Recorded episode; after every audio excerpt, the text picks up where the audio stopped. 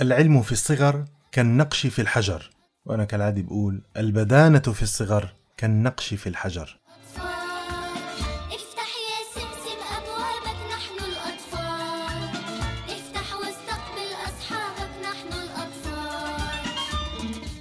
ما فتئت وما برحت وما انفكت الأم العربية بإنها تحاول تطعمي أطفالها وتشوفهم عم يكبروا قدام عيونها.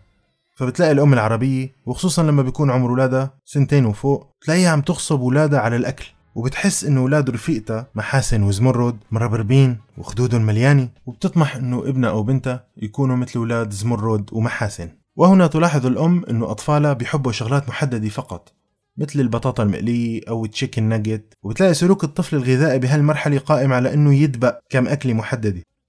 وهالشيء رح يخلي عنده مشاكل مستقبلية. قد لا تراها الأم بوقتها. فالتركيز على أكلات محددة وخصوصا المقالي بطاطا مقلية وهيك شغلات رح تعمل عند الطفل تشكل لخلايا دهنية جديدة. فقد بينت الأبحاث أنه الجسم البشري بيبني العضلات لما منمرن العضلات ومنتعبها ومناكل غذاء مناسب لهالعضلات. ونفس الشيء لما بناكل دهون وخصوصا بمرحلة الطفولة بخلينا تناول الدهون هاي إنه نبني خزانات جديدة. فلو فرضنا جدلا انه الدهون اللي بنأكلها على شكل زيوت نباتية أو من مصادر حيوانية رح تستهلك كطاقة ولكن ماذا لو أكلنا أكثر من حاجتنا؟ ماذا سيحدث؟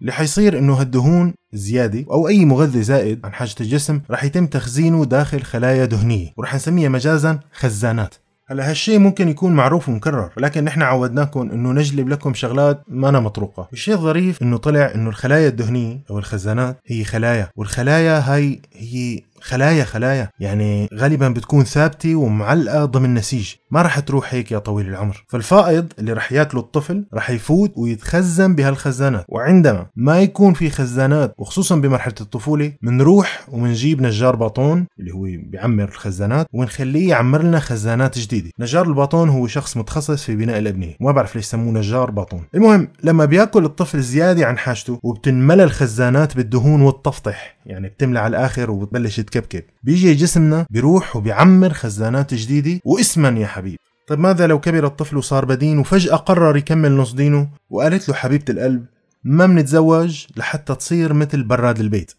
هي بيكون قصدها براد بيت ممثل مشهور. وهون بيقرر يغير حياته ويعمل نظام تخسيس عند أخصائي تغذية دارس تغذية فعليا. وقتها رح يزرق حاله وينحف فعلا. وهون بيكون هو عم يخسر من الدهون المخزنة داخل الخلايا الدهنية اللي سميناها خزانات. لكن لاحظ معي هو بيخسر الدهون المخزنة. ما بيخسر الخزانات تبقى الخزانات فاضي وهالخزانات الفاضية يا طويل العمر رح تبقى تطالع هرمونات. إنه حباب ارجاع ملينة. بوس إيديك ملينة مرة تانية.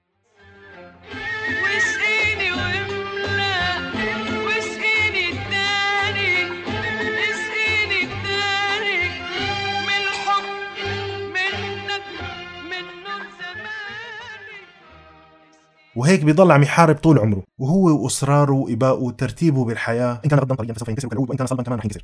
يعني يا حبيبي طريقك مسدود مسدود مسدود. لذلك الأفضل إنه ما نطعم الطفل غصب عنه. وما نصر عليه يخلص صحنه اللي صبته أمه.